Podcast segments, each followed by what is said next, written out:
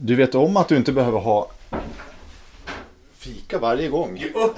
Annars ska man inte få till något klirr i glasen och kaffekoppar och sådär. Det är så va? Ja, det är så, helt klart.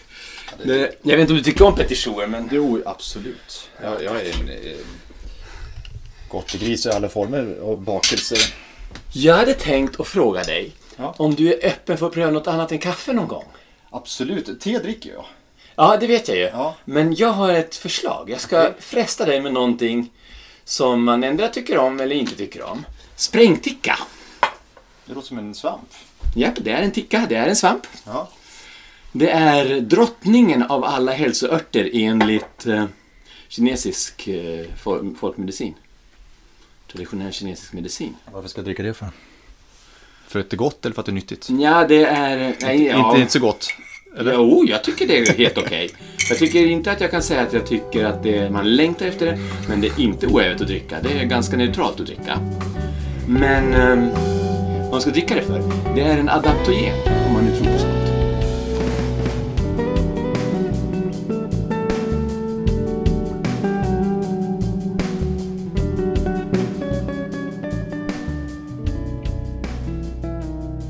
Välkomna till avsnitt nummer fem av Sweden Runners podd som heter Löparens själ och jag, Kalman och Janne Svärdhagen håller i. Nu dagen före nyårsafton.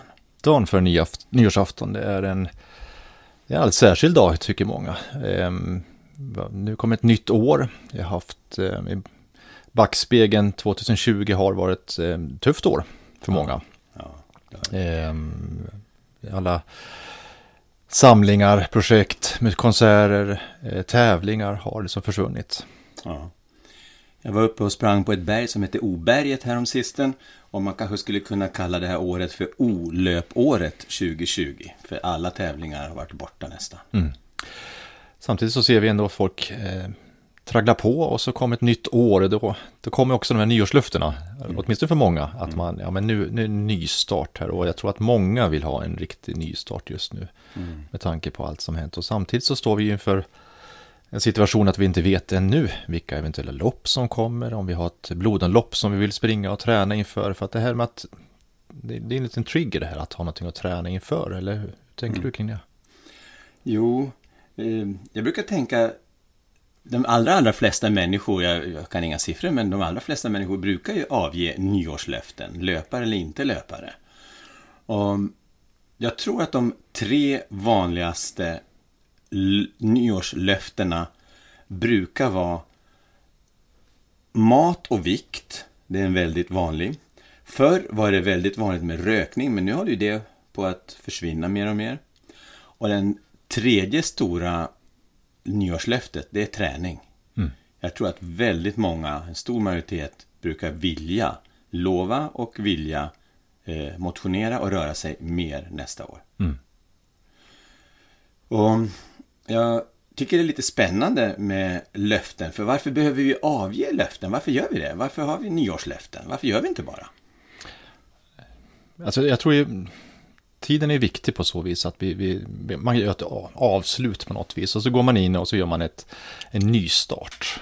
Och i alla nystarter, det är ett nytt förhållande till exempel, så är det en nystart. Alltså man, man går in i något nytt och då ska man göra så bra man bara kan. Och det är ju samma sak med nytt år tror jag många tänker, eller inte kanske ens tänker utan så är det bara. Och då tänker man att nej, men nu har jag chans att börja om. Eh, Även fast tiden kanske bara egentligen inte är så viktig, eller det skulle kunna vara ett kortare år, längre år, men det skulle ändå vara ett avslut för ett nytt år. Och det tror jag är viktigt att känna att jag har kontroll över saker och ting. Jag, jag kan kontrollera mitt... Ofta är det här relaterat till kroppen. Eh, ser vi många gånger, det har blivit så nu i alla fall. Det, det är kanske få som, som tänker att jag ska bli en bättre moralisk individ. Det är kanske inte är det som är främsta nyårslöftet utan Beach 2021 istället. Att man ska vara redo och fit i eh, kropp. Man ska ha... Yta men ingen in, innehåll. Jo, det finns säkert sådana saker också. Jag ska bli en, en bättre partner eller jag ska bli en bättre förälder till mina barn. Eller jag ska, jag ska plugga mer i skolan. Det finns säkert sådana ambitioner också. Det tror jag säkert. Men många gånger, och det vi läser också mycket, och det är därför vi matas med det vi läser i, i tidningar och sånt, så handlar det väldigt mycket om just de yttre attributen. Det vill säga att vi ska se snyggare ut, vi ska vara mer tränade och vi ska också klara av ännu större utmaningar förra året. Mm. Och, och, det här är ju både positivt och negativt som jag ser det. Speciellt om det är för mycket yta så kan det bli problematiskt givetvis. Och beroende på vad man jämför sig med också. Ja. ja, de här faktorerna är väl lite yttre faktorer med träning och med vikt och, och med den delen. Ja. Um. Och det här är ju svårt på något vis så, så är det många gånger vi tar de här lufterna. Och, och sen mm. så jag ska klara av att springa den här sträckan fem kilometer och sen så eh, går man in i nya året och har eh, väldigt höga ambitioner och eh, man börjar springa och det, man får ont och man börjar tvivla på det hela också. Och det tycker jag funderar mycket på. Ja, men när man, det finns ju två olika former av löften som jag ser det. Dels är det löften som jag ger till mig själv som är någon sorts ett tyst löfte. Ja, men jag har lovat mig själv det här. Men det är en annan sak om jag gör det offentligt. Som du gör det medvetet? Utan ja, alltså jag, jag gör medvetet, men inte uttalet till någon ja. annan. Jag, jag, jag, jag, håller det för mig själv, men jag lovar mig själv det här. Det är en form av löfte, men det andra löftet är ju det här när man gör det inför andra. Jag mm. berättar inför andra att jag ska göra det ena och andra. Men då, då har jag ju ett, ett större ok ibland kanske på mina axlar. Mm. För att då ingår jag någon sorts inte, kanske inte moraliskt kontrakt, men åtminstone har jag förklarat för andra att det här är någonting jag ska åstadkomma. Och då blir det tuffare när man inte klarar av det. Lite mer prestige i det hela. Ja, visst. Ja. Och det här brukar man, eh, det finns ju ett begrepp inom grekiskan, grekiskan som, som kom eh, för Sokraterna, eller inte för Sokraterna utan efter Sokrates kom de här med Sokrates, han hade tanken om att ja, men den som, den som den som vet rätt, den gör rätt. Alltså den som, den som ja. Det var, det var, för honom fanns det liksom ingen eh, viljesvaghet igen. Ja, det är spännande. Han, han menar att ja, men den, som, den som vet vad man ska göra, den gör rätt alltså. Man gör inte fel mm. i livets alla val. Mm. Men sen senare så kom det ett begrepp som, som heter akrasia. Och det här mm. är någon sorts viljesvaghet. Att vi på något vis inte klarar av de löften vi har förutsatt oss för vår omgivning göra. Ehm, och det här vet vi själva, när någon sviker ett löfte så blir vi ofta besvikna. Någon form av karaktärssvaghet, eller hur skulle ja, du översätta? precis. Det är någon karaktärssvaghet som sagt, som, som eh, Sokrates inte alls skulle säga eh, finns, utan vet man vad som är rätt, då gör man rätt. Och alla människor gör det per automatik. Men mm. det här menar då till exempel, senare kom Aristoteles och, och, och pratar om att det akrasia finns, att vi, vi, vi väljer kanske andra lösningar än de vi har förutsatt oss för helt mm. enkelt. Och det här är ju, frågan är väl, är vi liksom alldeles för viljesvaga på något vis? Eller? Vi är i alla fall inte perfekta. Vi är väl, vi är väl alla fulla med imperfektioner, med mm. ofullständigheter. Och det är väl ofta det som vi brukar formulera i ett nyårslöfte. Jag är inte så bra på det och det som jag skulle vilja, utan där vill jag förbättra mig. Mm. Men jag undrar också om det inte kan vara så att vi ofta saknar, det jag tänker på, det är att vi på något plan saknar, nu är det risk att det blir väldigt djupt, men mening med vårt liv som gör att vi är ofullbordade, att vi är ofullkomliga. Det vill säga, jag har ingen långsiktig plan med, vi håller oss till löpning, med min löpning. Varför löper jag? Eller varför, varför sitter jag i soffan? Vad, vad är meningen med mitt liv? Är det att jag inte har någon tanke på hur jag ska göra, vad jag ska göra? Är det därför jag inte mot hittar motivationen till saker som jag på ytan be bekänner mig till?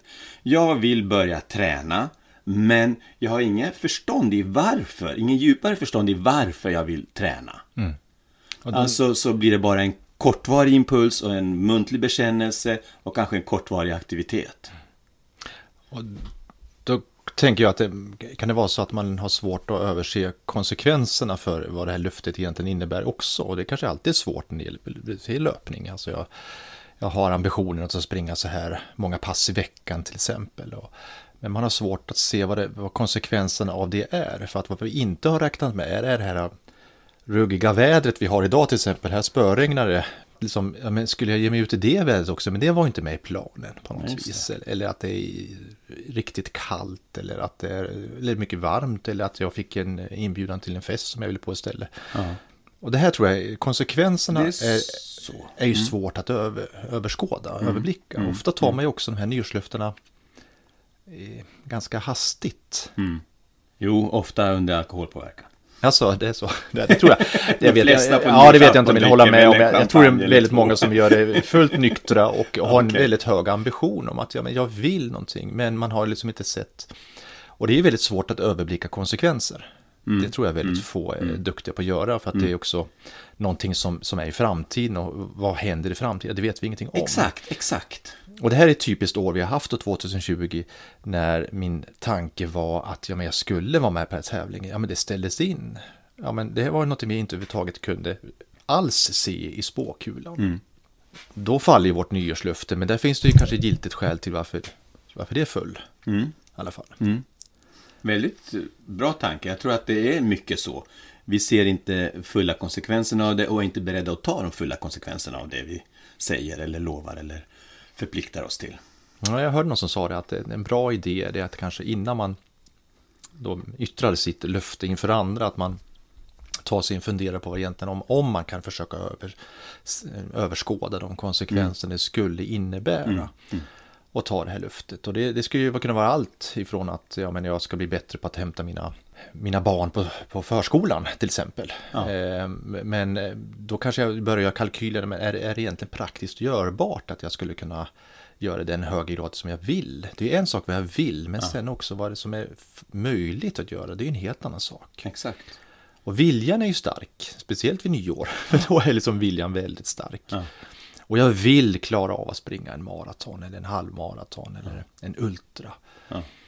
Eh, och det, det, och det, här, det, det, är så långt tid framåt också. Jag, men inte förrän till sommar, jag ska, eller augusti, jag ska springa Ultravasan. Så jag har ju gott om tid på mig också. Hur skulle man kunna synkronisera det där bättre? Viljan och förmågan. Jag tror att vi är inne på konsekvenserna fortfarande.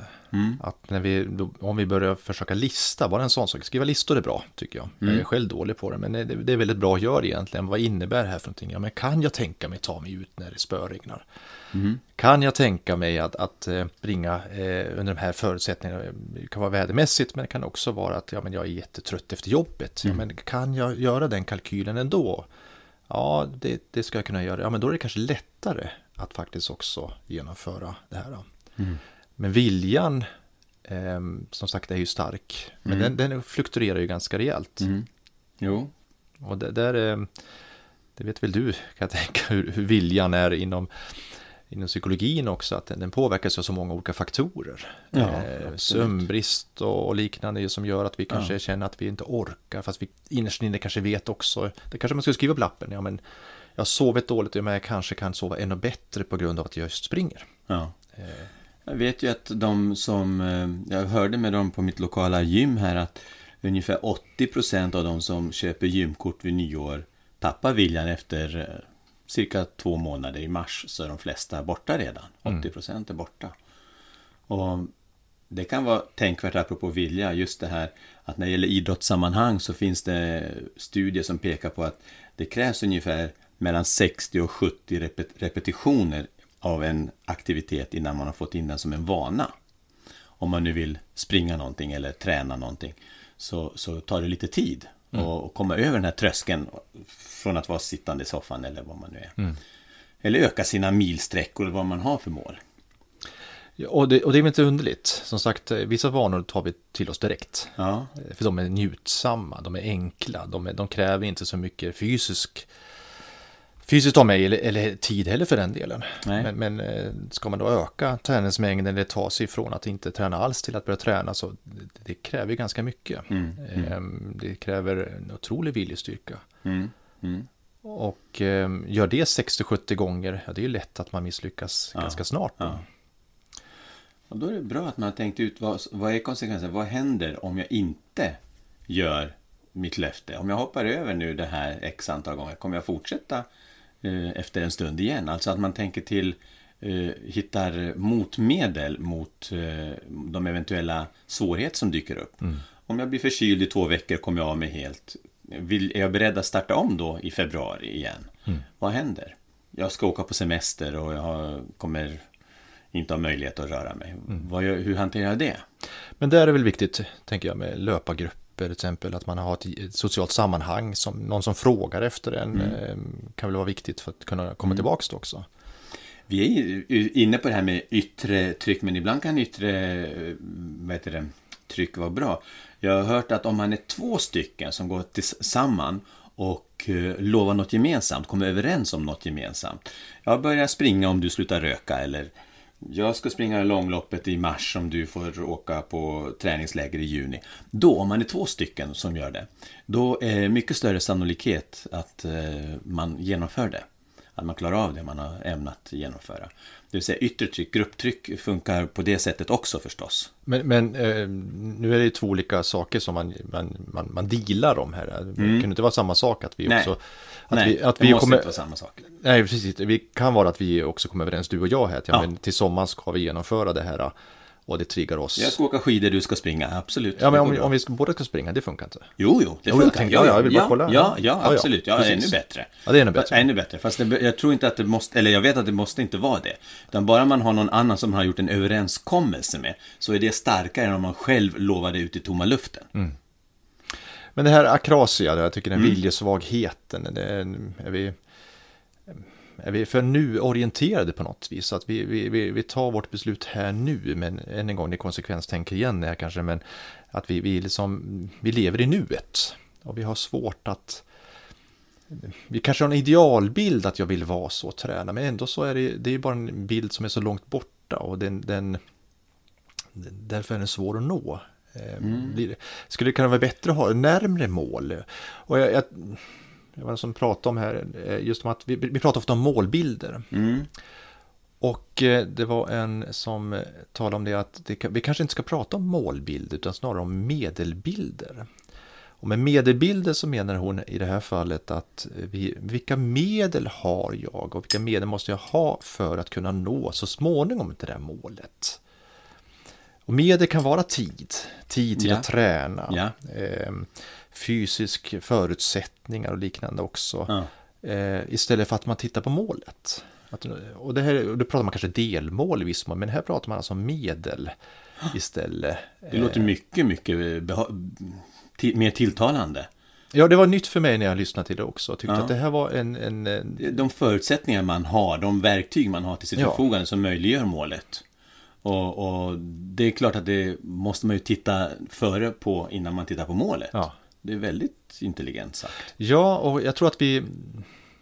Ett mål kan vara att vi ska vara en lik en annan person, att vi ska bli lika duktig som den här personen och eh, vad det än må vara, men vi tar löpning här, att man ska bli lika eh, stark och kunna springa lika långa sträckor eller snabbt eller vad det nu är pratar om för någonting här. Och, och jag tror att det är det kan vara inspirerande och inspiration är viktigt. Mm. Men det kan också vara just eh, väldigt långt borta. Mm. Eh, och kanske ett nyår och ett år räcker inte ens att nå dit. Nej. Utan här, vi måste ha en längre plan och då blir det inte ett nyårslöfte längre utan då blir det någon sorts någonting annat. Jag brukar tänka som jag tycker är klokt att tänka när man springer backyard. Sätter man upp ett mål, jag ska springa 20 varv eller jag ska springa 10 varv. Då springer man kanske 10 varv, men inte mer. Jag tror att det är precis som du säger, Janne, att man måste tänka i någon form av långt snedstreck oändligt perspektiv. Om man inte har någon bortre gräns. Ja, jag ska, vad jag nu vill göra för någonting. Ehm, ta det här med löpning, säg att jag ska bli en bra löpare. Då ska jag inte bli det i år eller nästa år, utan jag ska bli det hela livet. Just det. Och det här tror jag är jättesvårt. Att, här, att ha så långt perspektiv, det, är- det är svårt. Det är ganska jobbigt. En, en backyard som då em, med start varje timme. Det, jag har också varit i de situationerna och många runt omkring frågar hur många varv har du tänkt springa? Och Mm. mitt svar har alltid varit ja, jag tar ett varv i taget. Mm. För jag, jag vet inte. Och jag vill inte veta heller. Utan jag, det, det, det är inte min mentala bild av hur långt jag ska springa som ska avgöra. Utan blir det fem varv, eller 15 eller 25, så, så får jag vara nöjd med det, vad det nu är för någonting jag får. Mm. Men som, som du säger, och, just att man mm, har man bestämt sig för saker, ja men då, då, då är det som målet hela att ja, nu ska jag kämpa fram till det och sen så när det är nått, ja men då lägger jag ner. Ja. Och det är också kanske risken med de här nyårslöftena, om då så att ja men då har jag nått mitt mål så kommer den här tanken om, ja men okej nu är jag här. Mm. Just det. Ska jag, jag vänta på ner 10 nästa år? kilo, nu får jag belöna mig igen. Precis, eh, istället för att se det som ett livsprojekt. Mm. Och det var, har vi varit inne på förut också. Men det är som du säger, det tar tid, det tar kraft och det var lite det här som jag avsåg när jag menade att man saknar livsmål. De här stora frågorna. Vill jag vara den smala killen eller vill jag vara den bekvämare killen? Vad har jag för livsmål i mitt liv? Jag kanske är nöjd med att vara något överviktig och träna lagom mycket. Och det kanske är det som är mitt livsmål. Och då spelar det ingen roll att jag lovar mig själv att jag ska bli bättre nästa år, för det blir jag inte. För grund... Eh, grundantagandet är redan taget. Ja, ja. Om du förstår. ja, ja precis. Och du frågade mig i början om jag brukar avge nyårslöften. Och det gör jag aldrig. För att jag avger ett löfte varje dag. I princip. Jag slipar lite grann varje dag på, på det här långsiktiga målet vad jag vill bli.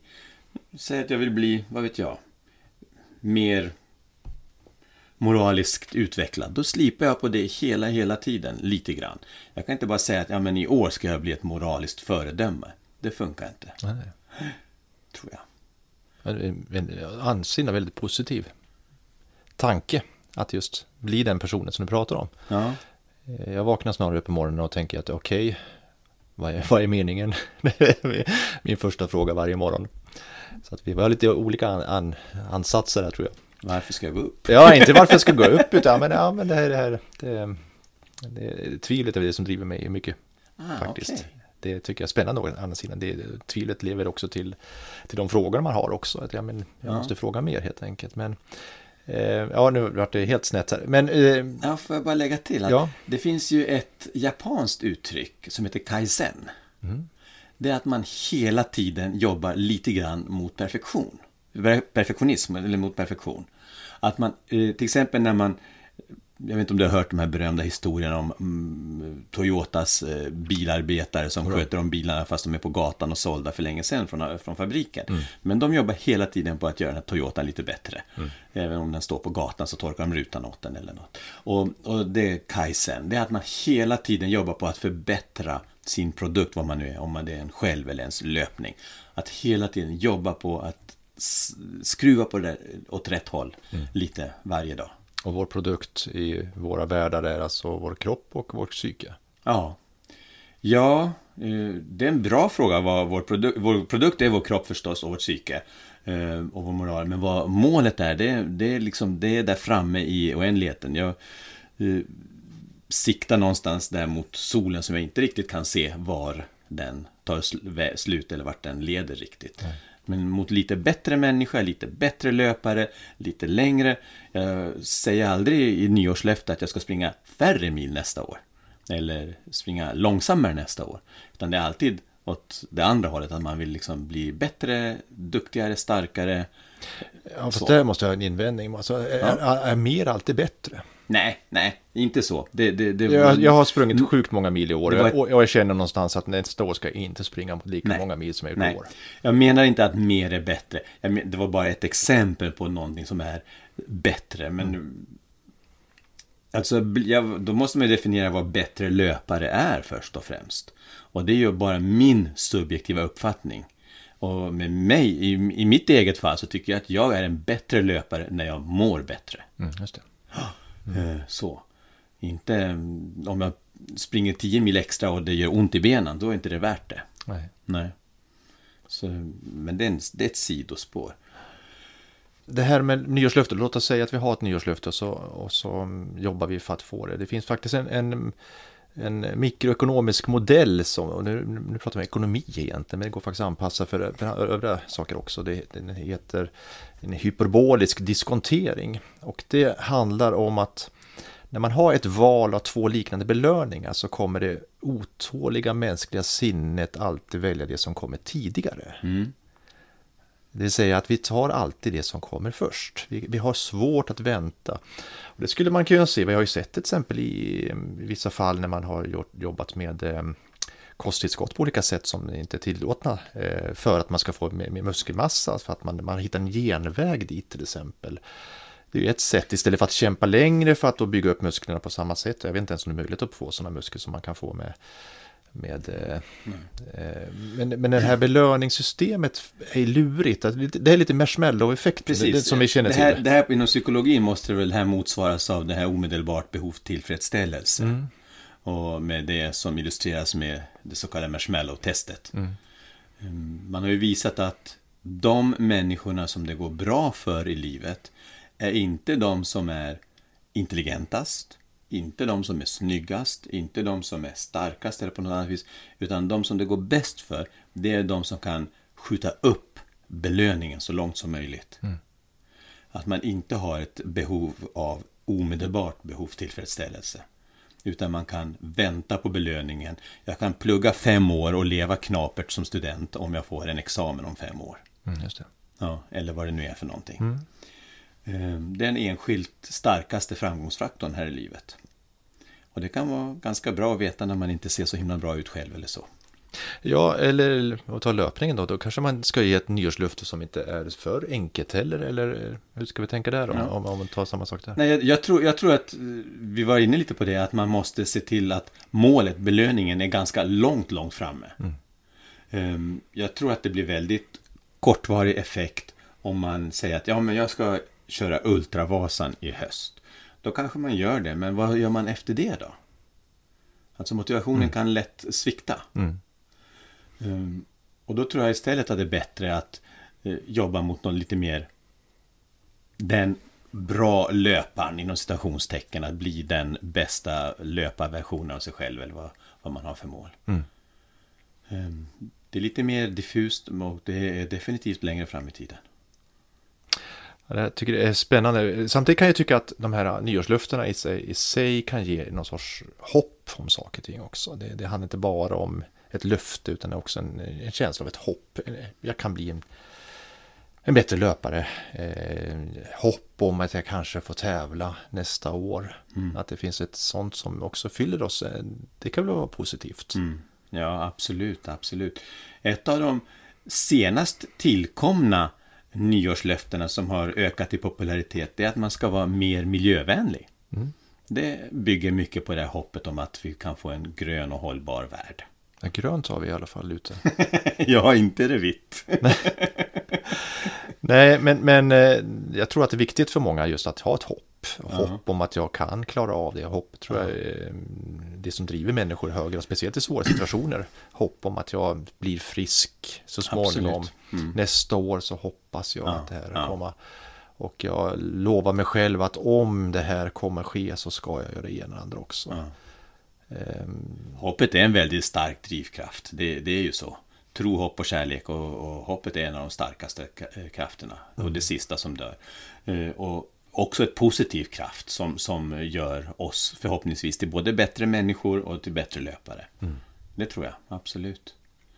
Så vad ska löparen som står inför eh, nyåret här, vad, eh, vad, vad ska man ha för löften? Om man nu ska ha ett löfte. Vad, vad, Vi har väl sagt att man ska, nummer ett, titta till vilka verktyg eller medel man har till sitt förfogande att genomföra löftet. en medel, inte en målbild utan en medelbild. Ja, en bild av de medel man har. Ja, precis. Och då måste man ju ta med som sagt alla faktorer om det är möjligt. Eh, Lista just eh, tiden är en faktor. Ja. Eh, Jag är imponerad över alla småbarnsföräldrar som hinner vara ute så pass mycket som jag ser ibland en De del gör, där. gör underverk Ja, med, med allt, allt som pockar på tiden för Precis. dem. Liksom så. Eh, Jag skulle fortsätta. Nummer två vi har sagt är att man skulle ha kanske ett långsiktigt målbild eller bild av vad man vill åstadkomma på lång sikt och jobba mot det. Nummer tre vi har sagt, vad hittar vi för strategier när det inte blir som vi har tänkt oss? Ja, det där tror jag kan för många ändå vara jobbigt när man har lovat sig själv. Det här nyårslöftet som ändå spräcker någonstans. Att jag, jag lyckades inte komma under 40 minuter på milen. Det var mitt mål. Det, och jag tror att det, ju fler man berättar det för, desto jobbigare känns det givetvis också. Mm. Men, men, men luften, luften är spännande tycker jag. Luften handlar ju strikt moraliska synpunkt så handlar det, det är någonting faktiskt en slags förbindelse. Mm. Om jag har lovat dig Kalman att jag ska komma hit till den här tiden så har jag faktiskt förbundit mig till att komma den tid som jag sagt. Mm. Så är man sen och då har man börjat när du sen inser att gång på gång att jag inte kommer tid så, så börjar du inse att de här löftena du ger är inte mycket värda. Inte. Så löftena är ju viktiga på något Ja. vis. Och löftena tycker jag, det är någonting på något vis, det är en institution som bär, bär vårt samhälle, vilket vi ibland glömmer bort tror jag. Absolut. Och därför så tror jag inte man ska ta lättvindigt på löften. Nu är det ju olika saker vi pratar om också, men, men, men det kan också vara viktigt att fundera på vad är det egentligen jag lovar och för vem lovar jag? Att man har förpliktigat sig till ett löfte. Att komma i tid är något man har förpliktigat sig till. Att eh, hålla det man har sagt, hur löst man har sagt det, är viktigt. Jag har sagt till mina barn att jag ska göra det här, leka med dem ikväll, men jag hinner inte för jag fick extra jobb. Då är det ett löftesbrott.